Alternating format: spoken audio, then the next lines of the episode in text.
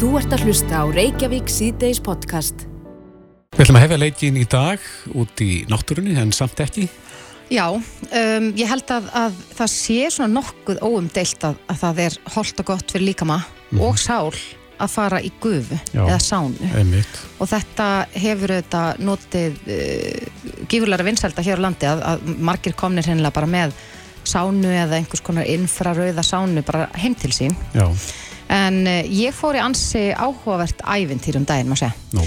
vegna þess að núna er og hefur verið í daggóðan tíma hægt að fara í rjúkandi fargufu Í fargufu sem er þá gufa á ferðinni eða? Já, bara gufa á hjólum má segja. Þetta Já. er bara þarna sér útbúin svona, eða hjólhísi í raun og veru, þar sem að, að það setja bara nokkri saman og þetta er svona ákveðin vegferð sem maður fer í, 15 mínútur í gufu og, og svo kæla sig í sjónum, en dásamlegt bæði fyrir líkam og sál. Já, á línunni er eigandi rjúkandi fargufu, svo kalluð gúsfrú, Hafdís Hrönd Gísladóttir Sæl.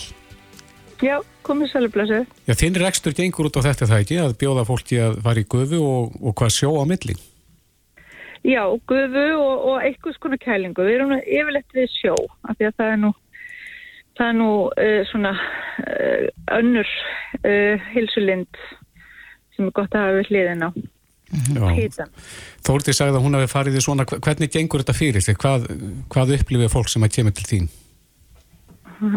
Já, það, sko þetta er svona, býr fólki inn í gufuna og þar erum við með svona þrjár lótur inni og ég stjórna svo svo hitanum, hita vel upp og við erum í sérska kortir inni í senn og, og svo kælu á milli og það eru svona alls konar ilmir með og, og svo er svona að vifta heitir það með hangklæðum þá svo sem bara blása svona heitu lofti á fólk.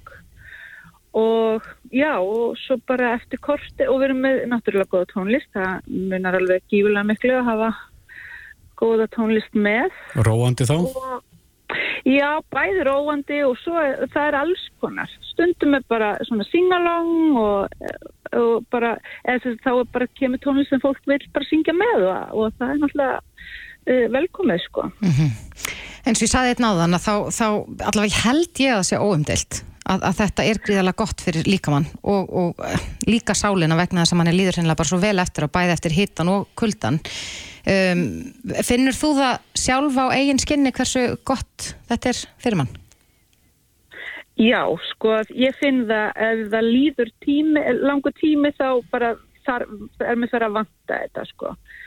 Þannig að það, þetta er bara, þetta er algjörlega, uh, það, það er eitthvað, eitthvað ótrúlegt sem gerist í þessu. Já, hva, hva, á hvaða líffæri hefur þetta áhrif? Þetta hefur, sko, þetta er náttúrulega hreinsandi áhrif, þetta er eins og þegar þú ferðin í svona gufu og það er hita vel upp, Mm að þá er það svolítið eins og fara á góða æfingu. Hjarta fer á fullt og pumpar og, og, sem sagt, og öll kerfin í líkamannum fara af stað.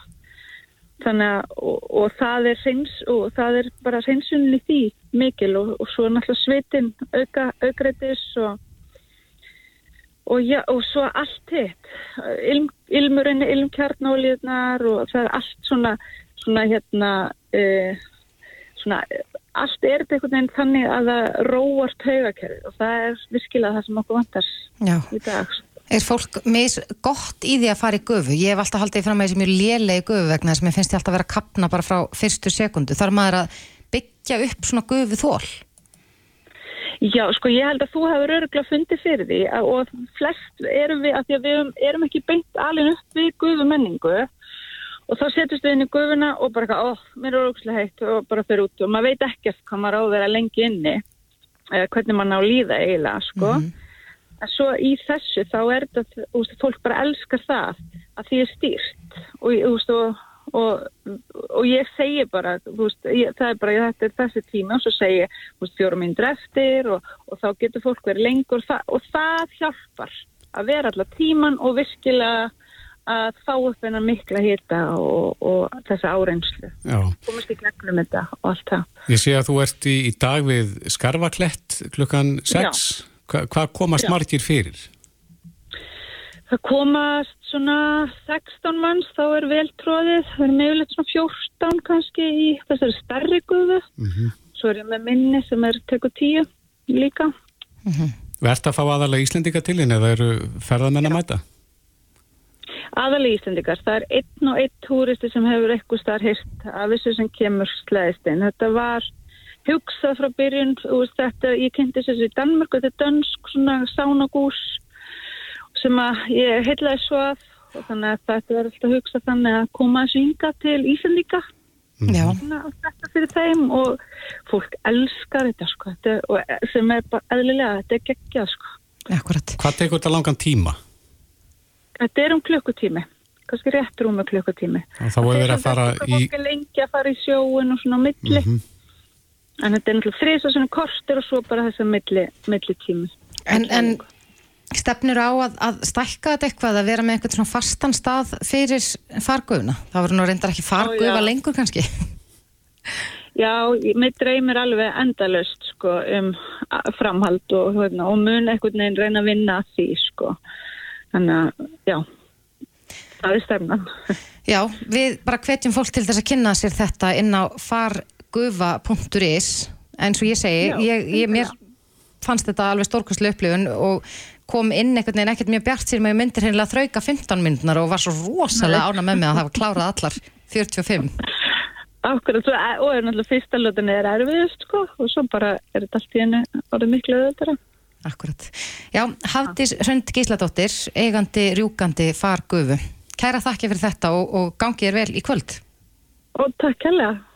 Þú ert að hlusta á Reykjavík síðdeis podcast. Við gerðum uh, könnun núna um helgina þar sem við spurðum uh, hvað vilt þú gera varandi Reykjavíkuflugvöll? Þrýr svarmöguleikar hafa hann í Vasmýri, finna nýjan stað innan borgarinnar eða finna nýjan stað utan borgarinnar og það voru 14.934 sem að svöruðu þessari spurningu hjá okkur. Og niðurstaðan, stærsta kakan, 78,8% vilja hafa hann áfram í Vasmýrinni Nú 19,5% vilja finna nýjan stað fyrir flugvöllin eh, utan borgarinnar og 1,7% vilja finna nýjan stað innan borgarinnar. Þetta er nokkuð aðgerandi. Þetta er nokkuð aðgerandi en uh, hann er komin til að ræða eins þessi mál við okkur Mattías Sveinbjörnsson, fórseti flugmálafélagsins, velkomin. Já, takk fyrir. Uh, koma þessa niðurstöður í þessari könnun þér á óvart? Nei, ég sjálfur sér ekki. Þetta er, uh, er nú búið að spyrja hans oft um, um þetta, hvar, hvar fólk vil hafa völlin og hvort hann hefur áfram í Vasmýrni, en uh, ég held eiginlega meira meina allar uh, skoðanakannir hafa sínt mjög mikinn meiri hluta sem að hafa semst verið á því að völlin ætti bara að vera áfram í Vasmýrni, það sem hann er. Og það er kannski eina skipti það sem var svona gerð könnun, það sem að þetta fjall með mjög nöfum meiri hluta, í ómartækri uh, skoðanakönnun, vil ég kalla það, að þá hérna, var öllurinn raunin kosin í burt. En í öllum öðrum könnunum eftir það, að þá meira minna hafa allir samfæst um það að þetta sé besti staðurinn. En uh, niðurstöða þessarar skýslu, er flugi sjálf hægt á vellinum ef að byggð heldur áfram að þróast þarna í stjærafyrðinu? Um, sko það er uh, eiginlega látlust verið að ganga á fljóðallasæðið. og þetta gerist í rauninni á, á uh, eins og núna hlýðarenda hverfið það var byggt og, og hérna er búið að þrengja vellinu nú þegar og, og hvart hann er farnar að berast frá því íbúðsvæði og það eru fleiri staðir raunin það sem er svona verið að þrengja rekstra skilunum allar eins. Og hún verður kannski ekki sjálfhætt en uh, skilirinn verða mu- mun erfiðari og það verður alltaf erfiðar og erfiðar að vera með flugrestur í vasminnin á þessum velli. En hvað er í, í kortunum núna? Það er náttúrulega verið að kannja þetta í kvassarhönn, er, er þeirri vinnur ekki lokið?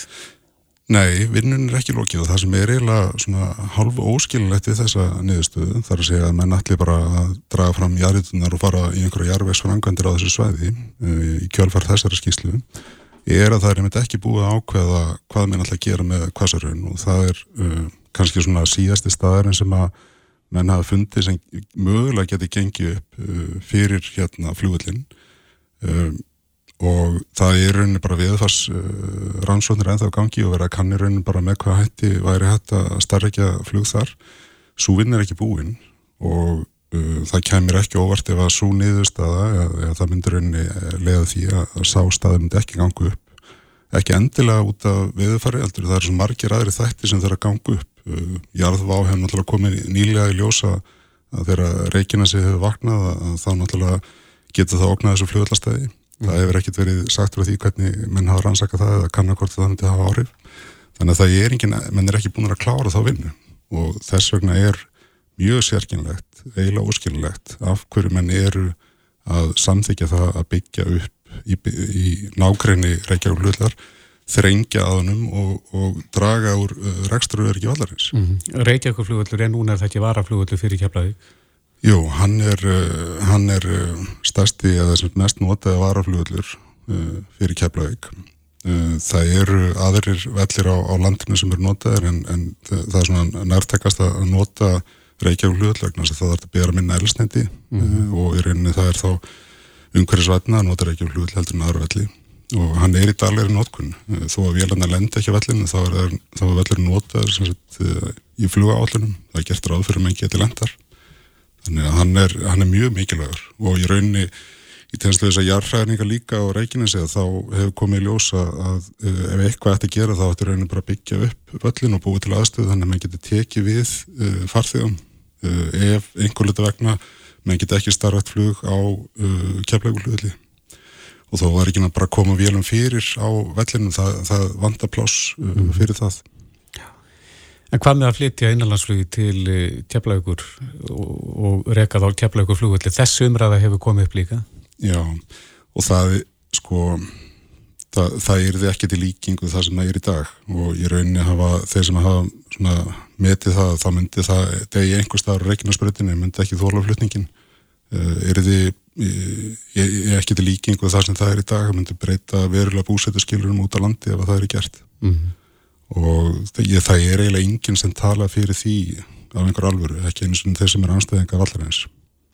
En hvað með sjúkraflýðið? Það hefur oft verið nefnt í sömu andrá. Já, þessi breyting og í rauninni þessi starfsópi sem að var að skila þessari skýslu, hann kjænst að þeirri niðurstöðu að íbúið byggð svona nálægt uh, vellinum mun hafa mjög neikvæð áhrif á rekstarskilirinn.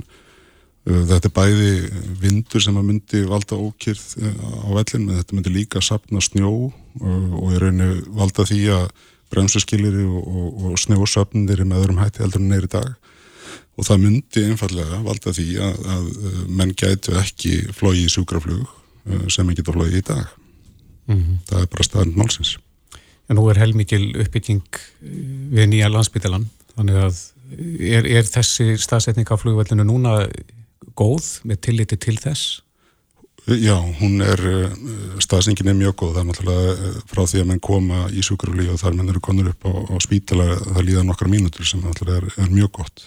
Og allur tími sem eru bættu við þann, þann flutning eru eh, þið, til þess að hérna, menn væri þá að taka á þetta með sjúkraflutninga og ég tala ekki með menn alltaf að fara til keflaugur rauninni ef menn geti í lendur reykjaflug þá þurfti menn að fara til keflaugluðlar mm -hmm. En þetta er í söguna þar að segja hvers vegna var eh, flugvellinu valið þetta stæði þar sem hann er núna? Sko uppalega, uppalega var þannig bara hérna fyrsta flýið á Íslandi, eh, það hósið á loft í Vasmírinni og það var rauninni bara völlur, flugvöllur er eiginlega bara fer, fyrirningur sem er bara, það, það stórum ekki að lendi allar áttir. Mm -hmm. Þannig hefst eh, flugstað sem í Vasmírinni og hann var síðan rauninni starrættur sem flugvöldu þar til að rauninni hering kemur og byggja hann upp almenlega. Þannig að það er svona fórsæðan því af hverju við völdum, völdum flýinu stað þetta vassminni. Er þessi staðu betri svona viðfarslega síðan heldur en aðrir eða? Já, hann er það. Það er, maður sér það eða best þegar maður er að fljúa þá, uh, þá sér maður til dæmis að í norðvistanátt að þá kemur vindstrengur út úr uh, kvalfyrinum en finna fyrir því á seltennesinu en fljúallastæði eru skjóli semst af esun í, í þeim áttum. Og síðan er þetta líka það ennalega á uh, Reykjanesinu að, að það skjól frá fjallkarinnum Uh, í leðilum vindáttum. uh, og skilurinn til þessu út á, á kjærblögululli og meðin að segja þið eru tölvört verið heldur enn í Reykjavík mm -hmm. þannig að flugvellastæðið er mjög gott Eru sérfæðingar sammálum það að þetta sé besti staðinu fyrir Reykjavík flugvell eða eru er tilfinningar sem spila inn í eða hvað segja fræðin? Um, sko flugsamfélagi hefur verið tilbúið að skoða aðra valkosti og uh, við erum tilbúin að skoða reynu hvað geti annað komið til greina Eh, kannski hafa það verið mistök að fara í það vegferð að, að gefundi fótum með það, það væri hægt að skoða einhverja aðra staði vegna þess að, að, að það verist ekki breyta því að borgin gengur alltaf lengur og lengur og lengra. Og en þetta er ekki tilfinningar, alls ekki. Það er bara einfallega, menn hafa nálgast út frá uh, svona flútæknilegum þáttum kalla eftir því að hlutir var rannsakaðar á þannig að það var framkvæmt. Og niðurstaður flestra hópa og sérfræðingar sem hafa komið því að að greina þetta flugvallastæði og, og, og skoða það að þeir hafa verið sammála því sem hefur komið fram hjá flugsamfélaginu sem er að uh, flugvallastæði er gott, þá ekki að þrengja því, þá að nota uh, það svæði sem er uh, til staðar við völlin í dag fyrir flugstafsemi uh, já og, og aðri staðir þrátt fyrir ítrykar uh, leitir að öðrum flugvallastöðum í nákvæmni höfbrukarsæðinsins að þá hafa þær leitir ekki borðið á nokkur. Þannig að það er og þetta er eiginlega svona komið endastuð allan eins og ég sé það menn hafa, menn hafa gert, gert því besta til að finna flutlunum annar stað en uh, það er svona hvaðsarhörnir er kannski eini staður sem mögulega getur komið til greina en líkunar er orðnar ansi litlar uh, þannig að þá er bara þessi flutlur uh, eh, og þetta flutlarstæðið eftir mm -hmm. Myndi þá hvaðsarhörn vera notað, sáflugullu vera notað sem varaflugullu fyrir keflaðið? Eða er hann á sama svæði, er, er svipa veður um, fara á þessum tveimur stöðum? Það snýst í sjálfsveit ekki endilega um það snýst ekki endilega um, um veður. Um, og það er aldrei sérkjænleitt raunni að, að þó að, að, að fljóðlun sé á sama veðursvæði að þá nýtist hann sem varafljóðlur og það nýtist í rauninni í þeim tilökun þar sem er að fljúa báða vellin út frá veðri. Mm -hmm. eða veðrið er slengt á sæðinu þá þurfum við að nota varafljóðli annar staðar. Þannig að til dæmis eins og í dag þá geta með notað hérna, uh, uh, flugvöld sem er bara næstan ákveðin, hann geti sjálfsög verið bara við hliðin á, á flugvöldinum um, en það þarf alltaf að vera með varaflugvöld mm -hmm. Aðeins yfir annað, Já. þú flögst uh, ramagsflugvöld sem að kominga til hansins þeirri fyrstu. Jú, akkurat. Er, er, Hvernig er þróunin í, í því? Já, og svo bætist það eiginlega í óanlega það er ansi mikið sem er að gerast í, í þeim efnum til að slú orku skipti í flugi og flugveldunar eru núna að þróast yfir það að vera bæði hafkameri og hljóðlátari mm -hmm. Uh, umhverfisvætni af allan hátt. Uh, það er raunin bara sama þróun að þessi staði flugin eins og hefur átt sér staði með bíla. Og það er stýttra í þetta heldur en uh, menn halda. Það eru vila sem er á tekniborðinu já, byrjar að fljúa er ekki farnir að fljúa með farþega enn sem komið er en það verður menn alltaf að tryggja það að flugur ekki sé eins gott eins og það hefur verið áður. En það er í prófunum og útið fyrir það bara innan fara ára þá getur menn flóið á, á umhverjusvatni í íslenskri orku. Mm -hmm. og það breyti líka uh, þessu tölverð það þýðir rauninni að, að, að, kostnæru það að fljúa lækkar. Og, og þess þá heldur ættu að haldi það sem við höfum. Stærri vilar, er, eru þær á tekniborðinu? Rámasvegar Já, fyrir farþegarflutninga Já, það eru um, um, Vélinn sem er í dag, þetta er, þetta er einsæta eins og eitt farþi, það eru tveir sem fljúa í vélni mm -hmm. en vélarna sem er að koma eru, eru 19 sæta og allt upp í 50 sæta vélar sem að geta uh, tekið þá við rauninni þeim vélinn sem er að sinna einlandsflugin í dag. Mm -hmm. Hvaða flugð og lafa þær? Uh, það er uh, yrði fullnægandi fyrir allt sem er flögið innanlands og það væri rauninni hægt að tegja það lengra, það væri hægt að fara til færi eða eitthvað þess að þar en allan að þessa vélar að það myndi nýtast í innlandsluði hjá okkur. Mm -hmm. Er þessa vélar til? Komnar að færi bandinu? Eh, það er ekki byrjað að framlega þær. Þannig að það eru ekki, eh, þær eru sem sagt í hönnun og það er verið að þróa þær en menn eru á fullir ferð uh, þarna og uh, það eru bara örf á ári í þetta, 2-3 ár eitthvað þess að það sem við vorum að sjá fyrstu farþjóðlíðin. Já. Spennandi framtíð en aðeins að því sem við byrjuðum á talum þar að sé staðsetning Reykjavík-flugvallar eftir 20 ár, hvar verður innanlandsflugvallurinn? Ég ætla að vona að hann verði áfram í Vasmjörni uh, ég ætla að vona allavega að, að þessum uh, hvað maður segja, árásum á, á, á flugvallina þeim linni, mann geti tekið til dæmis marka þessari konni sem þú varst að kynna, tefla 80% þeirra sem taka þátt í mjög stór úrtæki eru þá því að völlurinn er bara reynlega verið að sminni uh, þannig að ég, ég vona að völlurinn verði og fá að vera í friði og svo starfsemi sem er ánum fá að vera þarna óvareitt mm. Mattias Sveinbjörnsson, fórseti flugmálafélagsins. Tjæra þakki fyrir komuna. Já, takk fyrir. Þetta er Reykjavík C-Days podcast. E, Björn Berg Gunnarsson, e, deildastjóri greiningar og fræðslu hjá Íslandsbanka, e, er hættur störfum, hefur látið að störfum hjá Íslandsbanka og ætlar að stopna sitt eigi ráðgjáða fyrirtæki og Björn Berg er komið til okkar velkomin. Já, takk fyrir það kærlega. E, hvað var til þess að, að þú ákvæmst að stíga þetta skrif? Ég er búin að vinna í bankanum í tæplega 16 ár, rétt að vera 16 ár og uh, mér fannst bara að vera, ég var búin að vera að pæla svolítið í því hvort það væri ekki spennand að geta farið alfarið í fjármálafræðislu. Mm -hmm. Ég hef verið í ýmsum öðrum verkefnum í bankanum og, og svona sent miklu og unni mikið og, og, og uh, það hefur aðeins blundað í mér þetta að geta uh, látið á það reyna að vera svolítið sjálfur, stýra mínum tíma betur sjálfur og að fara á fullum krafti í það sem mér finnst hvað skemmtilegast, sem er að annars vera að veita ráðgjöf og spjalla við fólkum þeirra persónulegu fjármál en líka það að halda námskeið og fyrirlestra og, og reyna svona efla svolítið fjármálafræslu og fjármálalæsi á landinu. Og, og en það eru þetta erfitt eins og við alltaf að, að, að mæta allt inn á vinnustad sem, sem bestu vinnir maður sér og maður eru átt svona marga góða stundir og segja bara ég er hættur en mm -hmm. En, en þetta er spennandi framöndan. Já, þú ætlar að fara í fjármálafræðislu. Er það mikilvægara núna í dag heldur nátt áður? Það er að segja í þessu efnags ástandi eins og, eins og er. Það er góð spurning. Já, ætlaði að sé það ekki bara. Bæði er það þannig að það reynir auðvitað meira á þolmörk okkar persónulegur fjármála þegar að, þegar að sveiplur eru og þegar að hartir í ári. Það er alveg klárt og þrátt fyrir að hér sé öskrandi haugvöxtur í landinu þá er mjög mikil verðbólka. Vext er að hækka mjög rætt Þessi, þessar hagstæri sem hafa svo augljós og mikil áhrif á okkur hvert og eitt persónlega eru að sveiplast svo mikið. Við erum nýkomin úr tímabilið þar sem að vextir hefur aldrei verið lærið nokkur sinni og enginn að upplega svona lága vexti og allt hennu eru það núna búin að markfaldast. Þannig að jú, ég held að það sé, þetta sé sérstaklega tími hvað það var þar, en líka bara almennt, vegna þess að fjármál almennt talað eru að flækjast, eru að verða flóknari. Þrátt fyrir að, að okkur finnist kannski einfalt bara að borga með símanum eða úrinu eða hvað það er og ganga að fá skattfantalinu og vefnum og, og það, það er bara svo margt sem er að verða flóknara. Lífeyrismálinn er að verða flóknari og flóknari og flóknari.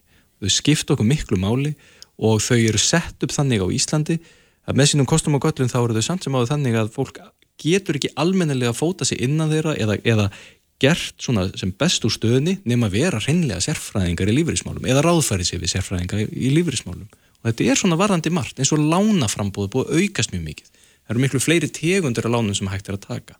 Við þurfum að leggja mat á miklu meira og miklu fjölbreyttara úrval alls konar hluta í sem tengjast fjármálum bara dagstæðilega Hvernig stöndu við okkur svona íslendingar almennt í fjármálum? Erum við, erum við eitthvað að spá í þessu hluti svona almennt?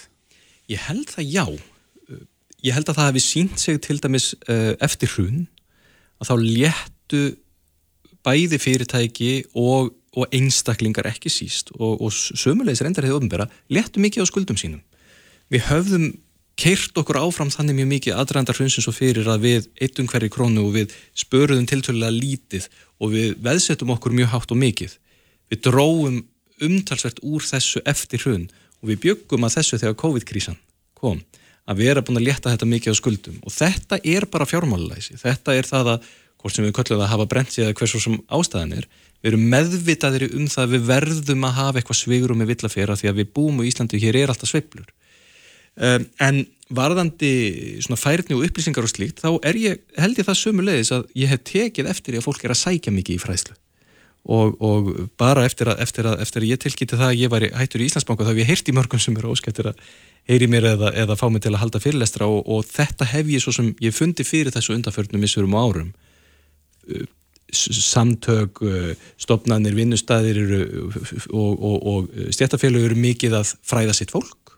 Eru, eru, endurmentun og símentun og Ísland er mjög öflug og ég held að fólk sé meðvitað um þetta að þegar það fyrir ætlar að, að, að taka ákvarðinu varandi sín, sín stæstu augnablika á lífsleginni fjárrakslega, íbúðakaup, ákvarðinur lífverðismál og svo framvegs að þá sé ágætt að ráðfæri sig við sérfæraðing alveg eins og þú myndir gera það eh, myndir ráðfærið við fastendansara lögmanni eða endur skoðanda mm -hmm. að þá sé gott að tala um peningana líka Ég nefndi hérna á þann að og líkt þessu svona við enga þjálfar í ræktinni eh, getur þú tekjundi það? Verður þú svona eins og fjármálalegur enga þjálfari? Já, sko, ef einhver sægi mig hérna á móti þér, hinn með mig borðið og myndi kalla mig enga þjálfari, þá held ég að eitthvað er nú sagt. En jú, ég held að það, sem enga þjálfarin gerir er meiri segja þó þú sért með hlutin á hreinu. Þá er bara ágætt að fá einhver til þess að líta það sem þú ert að gera og segja, jú, þú ert á réttri leið. Mm -hmm. Eða þá að, að, að einhver svona vísi þér í réttar áttir, kenni þér á tækin og segi þér hver fljótasta leiðin til að koma þér í almennilegt form sé.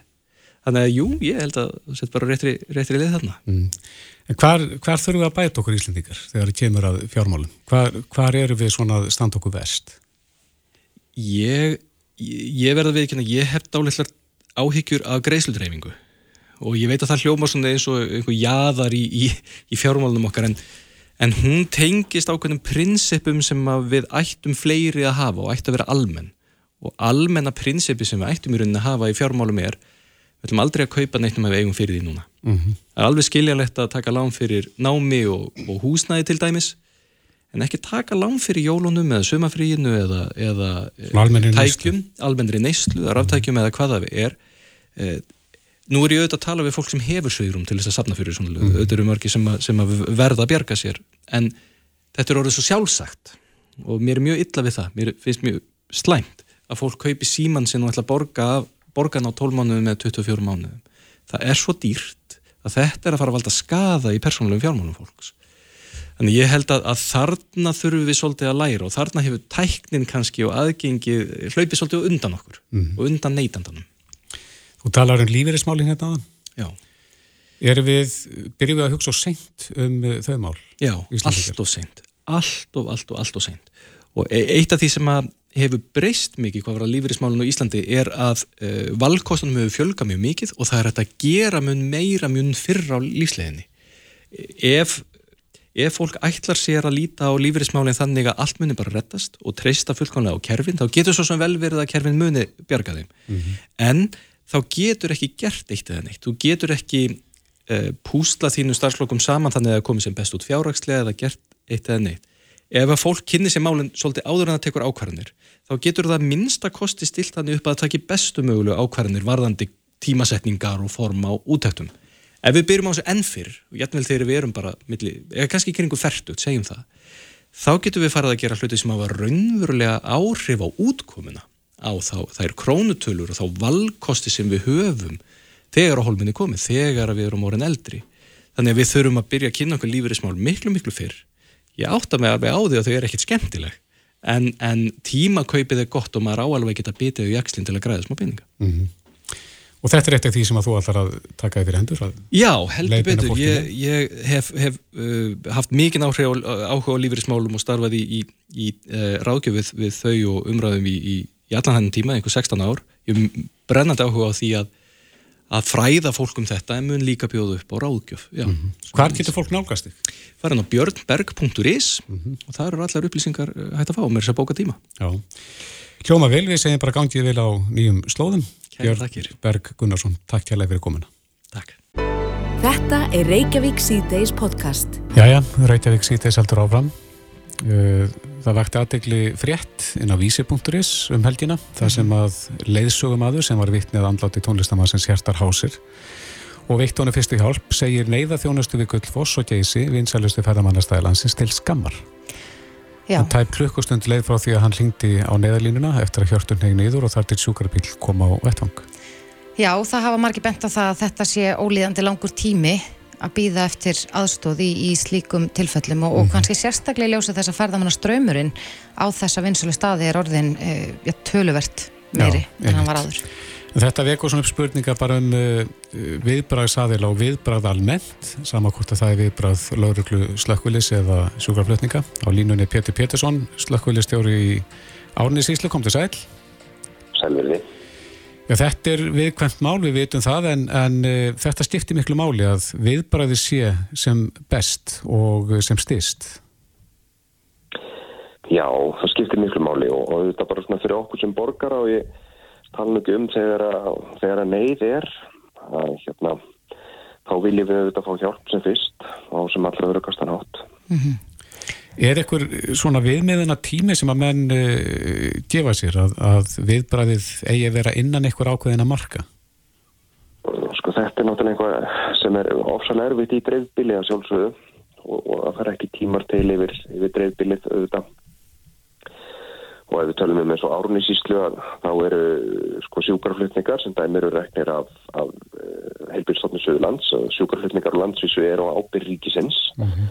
alveg eins og lögreglan og slökkulið eru á ábyrg sveitafélagana mm -hmm. og það er starfstöðar sem að ef við erum að tala um þessu þetta tiltekna dæmi sem er hérna sem maður hefur lesið um bara í fjölmjölum þá eru, eru sjúkraflutningar á Suðurlandi með starfstöð á, ef við tölum árnisíslu, með starfstöð á Salfossi mm -hmm. og síðan eru þeir með samning við, við bráðaliða í við Björgunarsveit á flúðum sem að veita fyrstu hjálp og síðan veit ég að, að þjóðgarðurinn er með sérstaklega samning við sjúkrahúsi en þeir borga þá fyrir neðar hjálp sem er þá staðsett þar Eh, Brunarni árunnsýslu hins vegar sinna ekki sjúkarlutningum en er með slakkustöðar sem eru mannar hlutastarfandi mönnum og við erum á sjöstöðum en lauruglæni síðan í árunnsýslu bara með starfstöðu og selfhúsi. Mm. Og þetta er auðvitað, auðvitað erfitt og, og býðin allstar, fólk þarf líka langt að gera sig grein fyrir því að allstaðar í dreifbílega útkomir út fyrir tjættbílistjarnar, þá er lengra í hjálp. Og svo má svo spyrja sig þessar spurningar líka sem hefur verið velt upp eins og þarna á þessum fjölmennu eh, stöðum, því fjölmennu ferðamannastöðum eins og gull og svo keisi og þetta víða um land sem eru fjölmennu staðir. Og hvort að það megi ekki að vera einhvað frekara viðbæð og við getum örgulega öll verið samanlega um það en þetta snýstu þetta allt um krónur og öyra og eflust á einhverja reglugerðir líka sem þarf að breyta og bæta mm -hmm og í þessum tilfellu að tala um sko vegna, vegna ferðamenni en, en svo er þetta Ísland líka bara byggt okkur förstu í búanum og, og öll viljum við geta fengið hjálp á sem fljótastan átt. Já, en, en hvers er það að bæta þetta? Nú hefur hafa meðal annars samtök ferðarþjónustunar já, tjáð sér um þetta tiltekna mál og, og sagt að það hafi margt verið gert en það með alltaf gera betur en, en er þetta á, á reynlega alfærið á ábyrð stjórnvalda að, að já, bæta pening í málaflokkin og, og koma upp uh, öðrum starfstöðum til dæmis, eða hvað? Já, ef við erum að tala um til dæmis, ef við erum að tala um sjúkrabíla eða, auknaðið við erum lögreglu eða einhvað slíkt, þá er það auðvitað á, á fórsværi ríkisins. En síðan geta auðvitað sko aðeinar sem er að reyka svona staði, að rétt eins og þjókaröðun hefur gert, er að gera samninga við einhverja og, og reynlega borga fyrir það sjálfur að þar sé einhver, einhver viðbúnaður og mjög margir aðeinar hafa þó sett upp hjá sem hjartastuðtæki og en það þurfa auðvitað að tryggja ákveðna kunnatu á það líka mm -hmm. og skimti hjálpa búnað. En já, já, en, en bara eins og þú sagður og við sagðum hérna á hann þetta, þetta snýstu auðvitað allt um peninga og vilja það, það stranda nú yfir alltaf á því Já, en þú segir Pétur að fólk þurfi svolítið að gera sig grein fyrir því að þegar er að fara á þessa staði að þá sé eh, lengri viðbaras tími. Hvað, hvað á fólk að hafa í huga? Já, sko þetta er auðvitað, við meðum auðvitað aldrei lífa í óta. En, en, en það er nú bara þannig að, að þegar við förum að ferðast, að kerum út fyrir, eh, sagt, ef, við, ef við búum á þjættbílistöðum, að þegar við förum síðan í ferðarlag eða, eða keirum út fyrir þessa þjættbíliskjarnar okkar, að þá er alltaf langt í hjálp, nánast alltaf vegna þess að sem bara segjum að það verið bílslis eða er einhvers konar lækningsfræðilegt tilfelli eins og, og hjartanfalli eða heilablóðfalli eða eitthvað svo leiðis að þá getur þú veist að býða bara í talsverðu stund og þar komum við nú þá alltaf að þessu málflokki bara slísavörnum og þar sem að landsbjörg hefur nú bara um, um áratuga skeið verið að benda fólki á að rauðu krossin að það kunna skyndi hjálp og og hérna kunna bregðast við ef einhverja vábera höndum. Þannig að við þurfum svona líka að huga því sjálf bara hvaða ábyrð við, við berum og, auðvitað getum ekki gripið inn í allt sem kemur upp en, en hérna en við getum gert okkar besta á að reynda undirbúku svona fyrir flesta því sem getur komið upp. Já, en það hefur líka verið í umræðinu núna í þó nokkuð tíma sem sagt hvort að ég að koma upp svona léttar í sjúkra þyrlum sem að myndi þá virka sem eh, svona sjúkra bílar í, í loftinu. Finnst þið svona tilfelli eins og við erum að ræða hérna núna er, er hérna ástæðan fyrir þessu spjalli núna að, að það ætti að íta á slíka vinnu? Að, að mann klári þá, þá vinnu Já, ég held að flestir viðbarsæðalar sé nú saman um það að það gæti hvort sem að það væri sko fyrirlur sem að fyrirlur búnaður er alltaf ofbúslega kostaða samt hvort sem að það, þetta væri einhver búnaður sem væri á höndum ríkisins land, og þar með landekilskjæslunar eða enga aðila en ég held að geta allir verið sammála um það að, að, að, hérna, að flýta fyrir því að koma sjúklingi undir hendur sérfræðinga eða lækna eða sérmyndast fólks að það hlýtur alltaf að vera til bóta og, og svo vinna hún var náttúrulega tals, komin talsvett langt af stað áður en að COVID dundi yfir okkur en, en og þá var náttúrulega ferðamannaströymurinn í, í miklum hæðum hjá okkur en nú verist það bara allt verið komið af stað aftur með, með ferðamennin okkar og jafnvel meira en áður var þannig að ég myndi segja að það væri algjörlega tímabært að fara að dusta ríkja því að þessum tyrlum álum aftur. En Pétur, þú myndist nú á það hérna á þann að, að til dæmis þjóðgarinn hafi gert eh, já bara samninga sem þau greiða fyrir sjálf, fyrir sjúkarflutninga og annað. Mættu ferðarþjónustu aðilarnir líta í einn barm þegar svona málir í, í umræðinu upp á já, búnað sem er til á þessum vinsælu ferðamannastöðum eða í rútum, hjartastuðtæki eða annars líkt eða eru þau mál bara í góðu? Nei, algjörlega. Eh, þá ættu sko og gera það eflaust mjög margir þennan þjóðlustu aðeinar að það er að, að fyrir að starfsfólk sé hafi skyndihjálpamentun og kunni að nota hjartastuðtæki og mjög margir aðeinar eru komið með hjartastuðtæki e, til sín bæði í hérna í húsnæði þar sem að sagt, ferðarmenn koma saman og, og við veitum bara þessu sundlegar og íþróttahús og öll þessi svæði.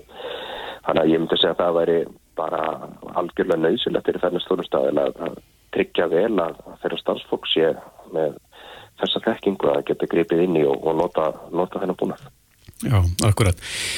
Rétt aðeins í lokin, Pétur, að því að það kom upp sinubrunni í Reykjavík núna í gær. Þetta er tími sinubrunana. Hvað, hvað eigum við að hafa í huga núna á, á þessum tíma þegar að já, eldur kveiknar jafnvel af mannavöldum? Já, bara fara varlega og í, í guðunabænum sem yfir eru náttúrulega stundum sinu eldar kveikti af ásetningi einhverju fíkti og, og svona hjá, hjá yngri, yngra fólkinu.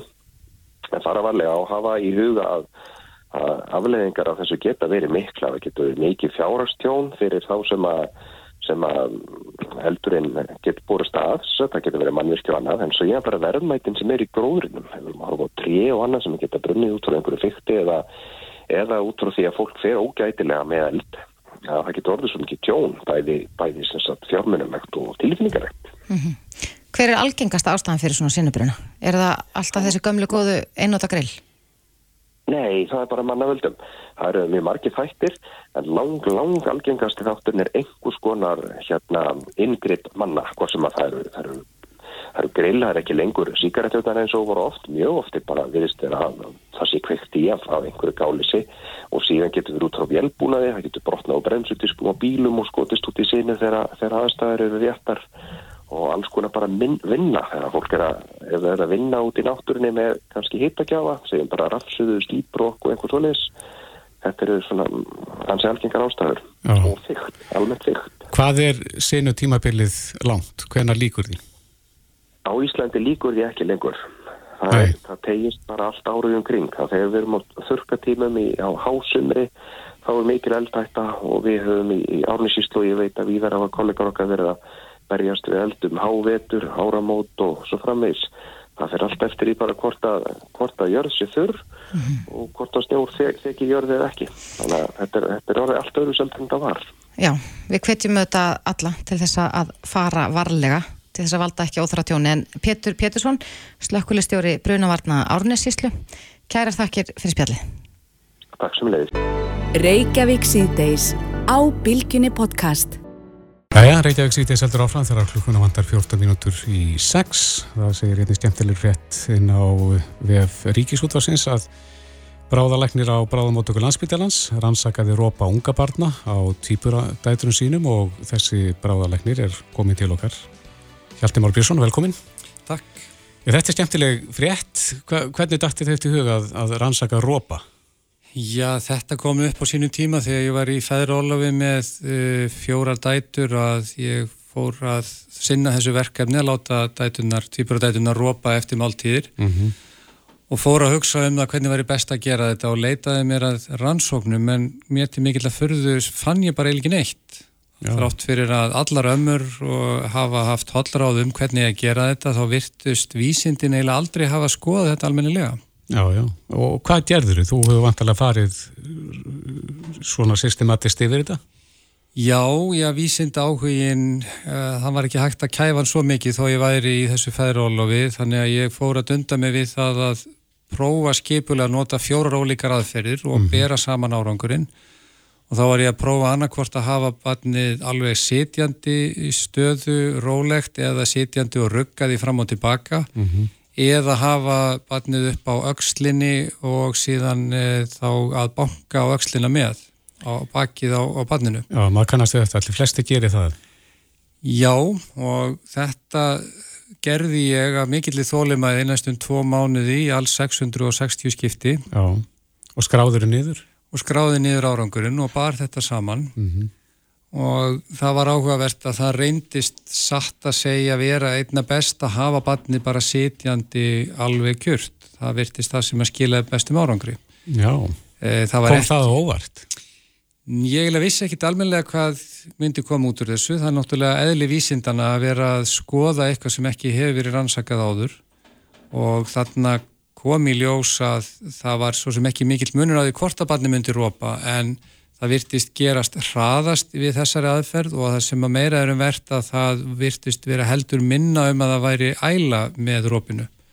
Þegar að barni var kjört? Já, og þá með því að halda barninu í svona sitjandi stöðu með að við að vera með á aukslinni að þá var þetta forða ælu í einni af hverju tólf tilraunum. Já, já. Skipti máli að þarna voru tvíburar? Ég veit það ekki því það skal nú tekið fram að þetta er nú ekki djúbstæði eða tæmandi könnun á þessu. Þetta var svona meira hobbyverkefni mm -hmm. en það hafa mína vísindaransvagnin og ekki mikið verið á sviði næringar ungbarna meira tengt bráðalækningum en, en e, þetta var líka gert á þeim þegar þeir voru fimm mánuða gamlar.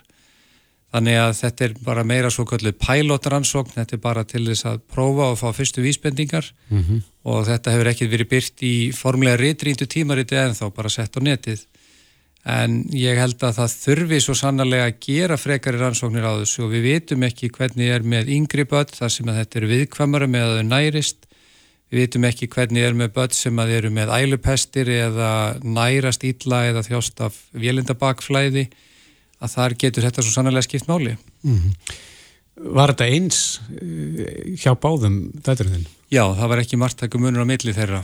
Nei, þannig að þetta hefur verið bara vísendalega niðurstáð þarna hefur. Já, þetta er svona allavega það helsta sem að ég gæti dreyið af þessum lærdómi að maður þurfi bara að leifa barninu að vera í setjandi stöðu og þá eru minnsta líkur á að það komi æla með þessu og styrsti tímur á að, að rópin komi. Mm -hmm. Hefur þú komið þessum, þessari vittnestu eitthvað áliðis?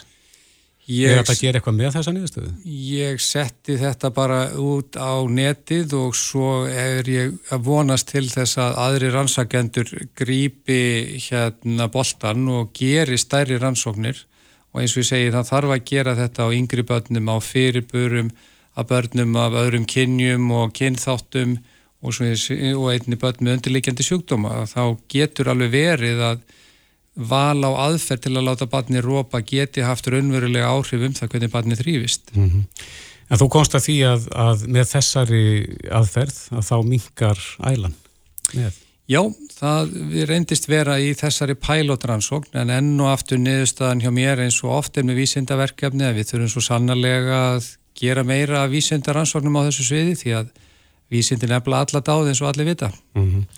En þú ert líka mikill hjólamæður, ég man nú til með að spyrja úr út kominingað. Uh, eh, nú er nýbúið að kynna herrferð, skúta ekki upp á bak, það sem að er verið að tala um öryggi á rafskútum.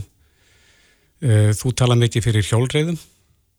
Er, uh, hvaða skoðun hefur þú á þessari herrferð, skúta ekki upp á bak? Ég held að við þurfum að fara varlega með rafskútur eins og allt annað sem að kemur nýtt í ferðinni, umferðinni En eins og það er náttúrulega alveg ljóst að uh, ofnótkun á bílum er langt komin með því að rústa lífriki jarðarinnar og er að valda okkur öllum íbúum á höfuborgarsvæðinu heilsutjóni í mhm. formi loftmengunar og hreyfingarleisis. Þannig að það er engin annar valkostur sama hvernig maður skoðar heldamindina en við þurfum rótækt að draga úr uh, umfangi akstus og það gengur ekki að helmingur borgarlandsins fari allur undir engabílinn. Þar þurfum við að skoða umhverjusvætni samgöngumáta og þar eru náttúrulega hjólin, reyðhjólin lang besti samgöngumátin en þá held ég. Mm -hmm. Og með tilkomu ramarsreyðhjólana þá náttúrulega eigst dræknir fólks mjög mikið í þessu. Rafskútunar eru frábær viðbót og þær henda mjög vel en eins og með annan nýjan ferðamáta þá tekur tíma fyrir bæði notendur og aðra í umferðin að læra á þetta en sérstaklega hefur verið sorglegt að sjá hversu mörg kjósa að fara á rafskútur undir áhrifum áfengis og það er náttúrulega ekki skynsalegt að gera. Nei, þú ert að fá afleggingarna til þín upp á bráðamótöku? Já, við sjáum það svo sannarlega en það má síðan deila um það hvort að maður eigi að flokka það sem rafskútuslis eða ölfunarslis þegar einhver slasast ölvaður á rafskútu að fólk hefur svolítið tilneyingu til að kenna bara rafskútunum en ég held að vandamáli sé nú ofta tíðum áfengið sem að er mun skinsamlega að fara hægar í. Mm -hmm. Nú hefur líka verið deilt um uh, hjálmarnótkun, hvort að það er að skilda hjálmarnótkun á svona tækjum? Ég mæli endregi með því að fólk noti hjálma á rafskútum en hins vegar er að þannig að lang flestir áverkana sem verða við þetta eru andleitsáverkar og útlima áverkar þar sem að hjálmar breyta sennilega litlu sem engu. Og hjálmar eru engin töfralausn á öryggismálum en mér er svona meira hrifnari af því að ráðleikja fólki um að haga sér skinsanlega en eh, ekki að setja bóð eða bönn við hluti nema það sé eitthvað sem var þar helsu annara í umferðinni. Eins og til dæmis alvunar akstur sem er allt annar hlutur þar sem fólk getur valdið gífulegu tjónu á öðrum. Mm -hmm. Er nógu hart tekið á slíkum brotum að þínum að því? Elfunarakstri nei, en e, mér finnst ekki ástæða til að refsa fólki fyrir að taka óskynsalega ákvarðanir með því að fara ölvað á rafskútu. Mm -hmm. Það er ekki gáfulegt að valhoppa niður stegan haug ölvaður og ef einhver slasa sig við það, þá eigum við að sína við komandi samúð. En það er heldur ekki gáfulegt að fara ölvaður á rafskútu en við eigum ekki, ekki að gera það refsivert að mínumati. Nei. Þetta er áhugavert, byrjað á rópa, endað í rafskútum. Hjalti Máru Björnsson, bráðalegnir á bráðamótöku landsbytjarnas. Kæra þakki fyrir þetta. Takk sem við leiðis. Hlustaðu hvena sem er á Reykjavík C-Days podcast. Við ætlum aðeins að hverfa út fyrir landsteinina næst. Já, fara aðeins út í heim. Það hefur auðvitað, eh, já, undan farin ár verið mikið talað um katholku kirkjuna og uh, kynferðisbrott innan katholku kirkjunar. Já, hefur verið flett ofan að mörgum slíkum ljótum álum í gegnum tíðina? Já, og út um allan heim Já. og það verðist sem svo að þetta sé hverkinar í búið en uh, spænska dagblæði El País fór uh, í já, bara svona frumkvæðis rannsóknum að segja. Já, akkurat. Á þessum málum. Stærsta dagblæð Spánar. Mm -hmm. Nú okkar maður á Spáni, Jóhann Hlíðar Harðarsson er á línu, kom til sæl. Já, komið sæl. Ég segðu okkur aðeins, hvað var El País að gera í þessari rannsóksinni? Það, það var eiginlega eins og þeir röktu, þeim var eiginlega nóg bóðið af þessari óbóðslegu spænsku kirkjunar sem leti eins og ekkert væri að hjá þeirra kirkjunamönnum þannig að, að sko, svona svipa á menn hugsa ef við fegjum þá er það ekki til. Mm -hmm. Og þá fór blaði í þessa rannsókn og uh, hefur haldið henni áfram núna sleitulust í fimm ár, er búið að skila hluta af þessum málum sem þeir hafa komið upp til Pávans, eh, Frans Páva í Vatikannu.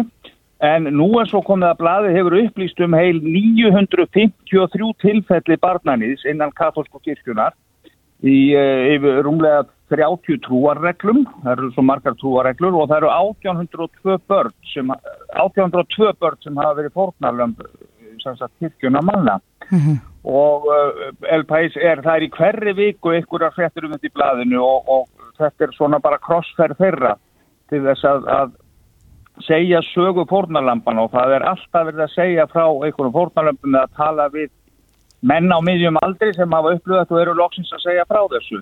Já. Svo gerist það núna í sunnudagsblæði El País sem satt í fyrra dag að blæðið ofinberar dagbók prests sem er látin þar sem hann skrifar sjálfur um áratuga langt ofbeldi sem hann beitti drengi alveg kerfisbundi. Og þetta er í fyrsta sinn sem að blæði greinir þá þessari hlið svona mála sem sagt að að það er játning mann sem nýttist á börnum Ég skrifaði hans eigin orðum þá bara?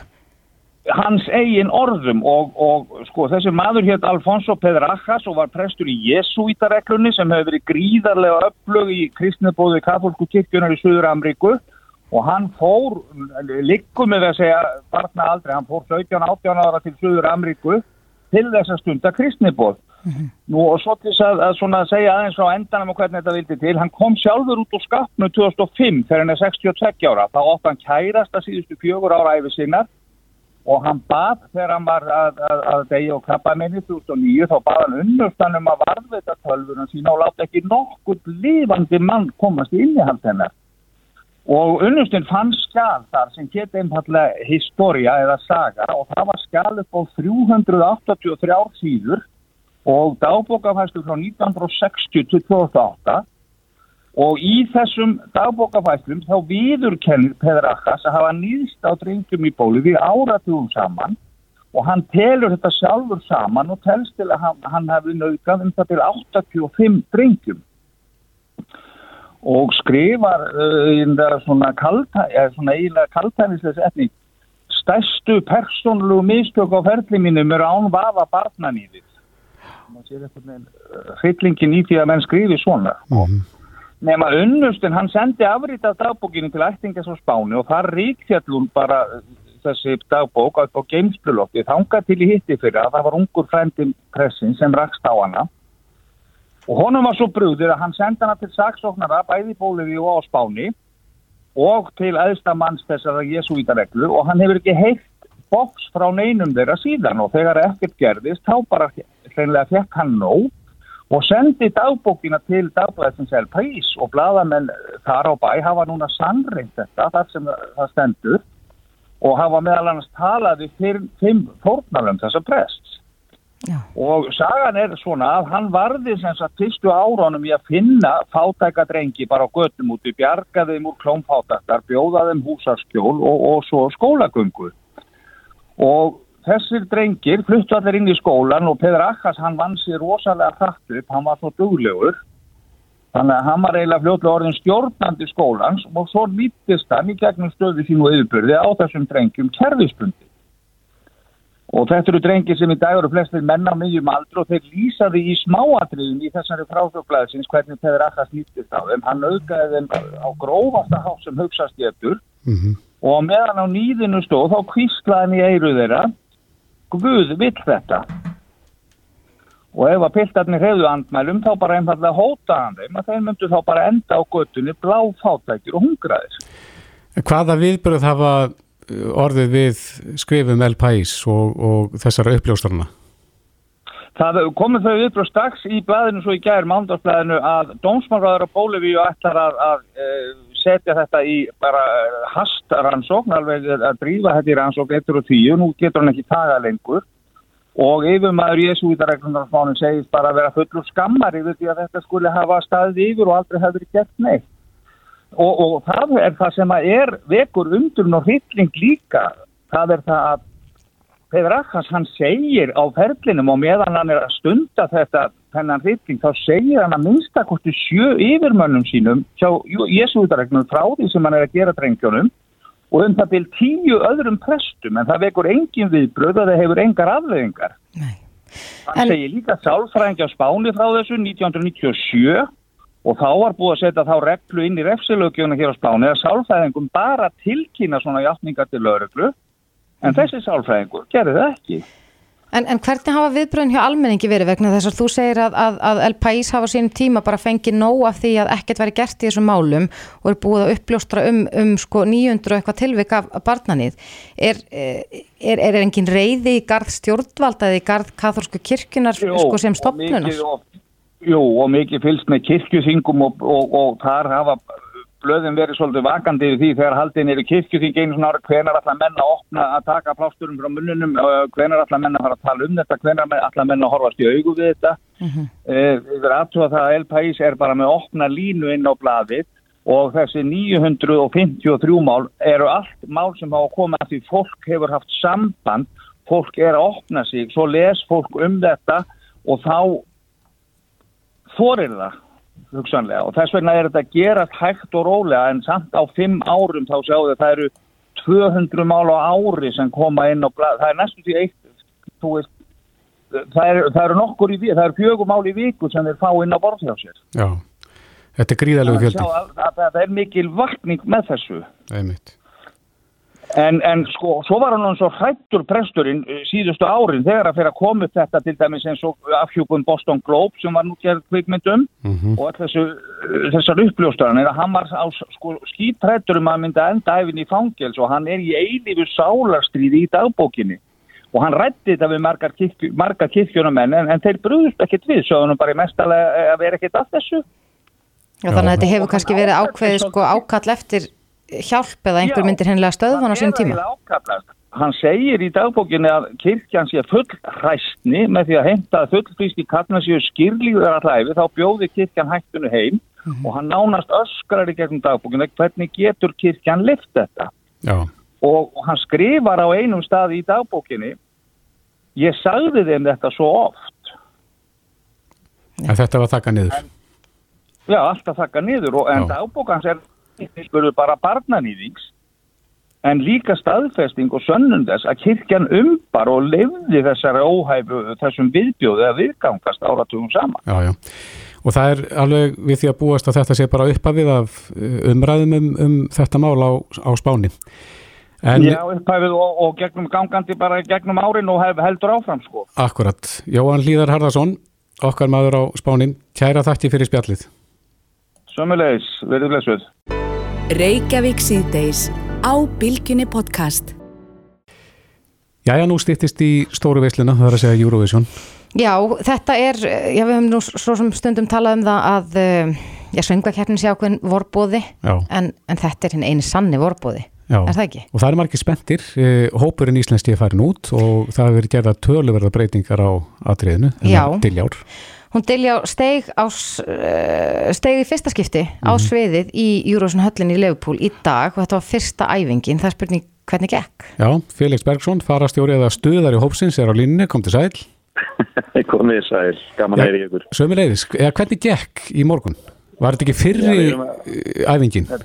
Jú, þetta er rauninni fyrri æfingin af þessum tveimur sem við fáum Uh, áður en sem það bara farið í generaflögur já, við bara erum, við okkur er mikið létt. Þetta gekk híðilega vel og til ég var stókúsleg og bara eins og hann hafa aldrei gett neitt annað en að standa á þessu stóra sviði. Mm -hmm. þannig að þetta var bara mjög vel. Þetta var mjög vel hérna og bara við vorum mjög glöð með sko, við vorum, við vorum stressuð því að við hefum séð sem, uh, hvað menn voru að gera að vinna í atriðinu hér og við vorum ekki ána með það. Nei. við fáum svo kallar stand-in rehearsal sem þetta æfingu þar sem að einhver sem að leikur bara tilljá fyrir gegnum atriðið og við sjáum hvað er að vinna í ljósum öðru slíku. Og það var ekki, ekki við vorum svolítið, vorum svolítið spælti við því og ekki, leist ekki náðu vel á það en, en þeir tóku öllum okkar atriðsendum og þetta líti bara mjög vel Felix, er mikil breyting á atriðinu frá því sem við sáum í söngukefni? Já, ég ætla þess ekki helst að það er bara búið einfaldaði heilmikið, það er búið einfaldaði hreyfingarna hjá henni eh, og eh, í rauninni verum að reyna bara að fá meira af dilljá, reynilega mm -hmm. í, í mynd og hérna, jújú, jú, svo er bara ekki vinna mjög mikið í grafík, við erum komin með eh, svona snúningspall sem hún stendur upp á, sem að gera gríðarlega mikið fyrir aðtriðið og hérna... Er það hluturinn að, sem að þið máttu ekki segja frá? Já, sem við okkur langaði til að geima hangut í dag, það var svona, var upplýst í dag. Já, hann var förmsyndur í dag. Hann förmsyndur í dag, þannig að það er bara einn lítið snúningspallur sem hún stendur upp á og gefur mjög skemmtilega reyningu þegar myndaðurinn vinnur á móti pallinu sem það verður rosalegt rosalega orka og svona reyðing í því. Og já, og svo er bara eru Lí Prátt og Salome Þorkjörnsdóttir og Dilli ábúin að vinna bara heilmikla vinnu í atriðinu sjálf og það er bara, það er að skila sér. Og svo eru við bara mjög glöð með hvað hvað breytarnir hérna úti og, og samstafólk okkar hérna úti er búið að gera. Já, sko ég, ég held að það hafi mun allir eftir því þegar að Dilli á segraði sönguhjörnuna og það er svo mikill kraftur í henni sem er eiginlega að finna á það að lægið heitir Power rosalega kraftur í henni. Eitt sem að mér fannst sérstaklega standa upp úr er, hún er alltaf spark út í loftið og ég geti eða ekki hlustað á þetta lag án þess að bara sparka sjálf. Þá var sjá sparkið í Leifupúl Já, já, sparkið er á sínum stað það er sko alveg á hreinu.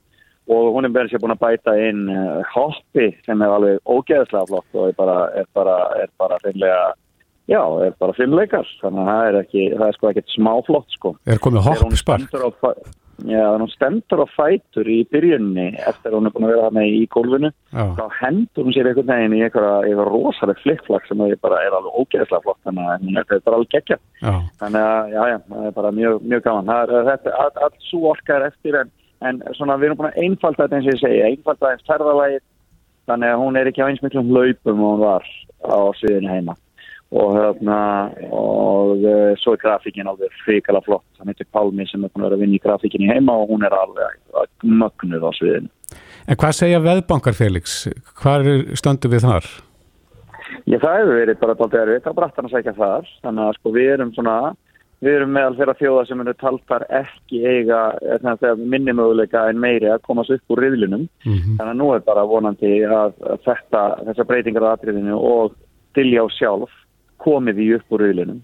Uh, og það er bara stóra máli komast í úrslitin, það er alltaf það sem við viljum. Og ég, ég segi sko ég hitti hérna uh, einn af uh, kinnunum sem, einn af þeim sem er að hérna, kynni ein, einn af þjóðarinnar hérna, Gísla Martin, annarar þjóðar og hann sagði að, að, sínu, að, sí- að sínu viti hefði uh, möguleikar aukist um 85% eins og hann áraði það hann var mjög hrifin á sviðsetningun og, og sagði að möguleikarna hefði aukist mikið að, að hvað væri búið að gera í atriðinu. Já, Þannig að ég vona að það sé rétt hjá hann, bara við bara treystum því að hann hafi rétt fyrir sig. akkurat. En, en hvað heldur þú að valdi því að, að okkur gangi ekki nægilega vel í veðböngurum? Dilja er algjörlega mögnuð sönguna og lægið er frábært.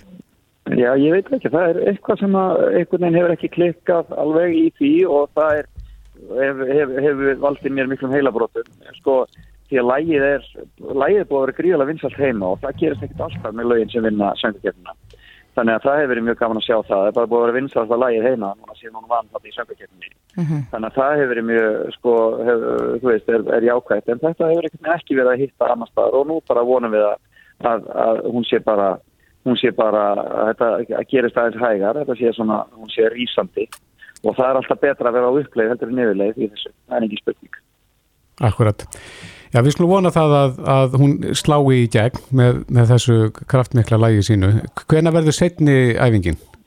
Að setna enginn á förstu daginn þá erum við, tökum við aðra æfingu svona í sögunu, hún er aðeins stittri og svona uh, fókuseraðri. Og uh, og svo bara, já, verður norranna partíði þá um kvöldið og, hérna, og svo er alltaf að klína kong hérna á lögadaginn og svo er oppruna hátíðin sjálf á sunnudag og þá í rauninni bara s- uh, sjóvikan í gang Já. Verður einhverju breytt hérðinni frá eða er þetta atriði bara læst eins og það á að vera núna? Já, nú erum við alveg að komast þangað sem við viljum hafa það. Nei, nei, það er alltaf verið aðeins að breyta og aðeins að, að, að vinna í því. Það mun halda á það, engin spurning. Og ég meina þau bara á morgun til dæmis eru við með, á æfingu, nokkru tíma æfingu út í bæ í dansstúdíu og það sem er bara sérstaklega unnið með til í, á, í hreyfingunum hennar og í svona hennar svona, já, í hennar hluta í aðræðinu. Já, við erum gríðarlega spennt fyrir þessu uh, og við skilum bara bestu kveðju til Liverpool, Felix Bergson, stuðari íslenska hópsins. Takk kærlega fyrir þetta. Takk kjærlega. Já, já, og þá fyrir við bara að komast í mark. Já, það stýttist í frettir frá frettastofunum og við þurfum að fara að skipta þangað yfir. Já. En Við minnum að það að við tölunum öll komin inn á vísi.is og þetta hlust í gegnum Bildju appið. En Þórdís, Bræði og Kristófer verða hér aftur á ferðinu klukkan fjögur á morgun. verið sæl. Reykjavík síðdeis á Bilginni podcast.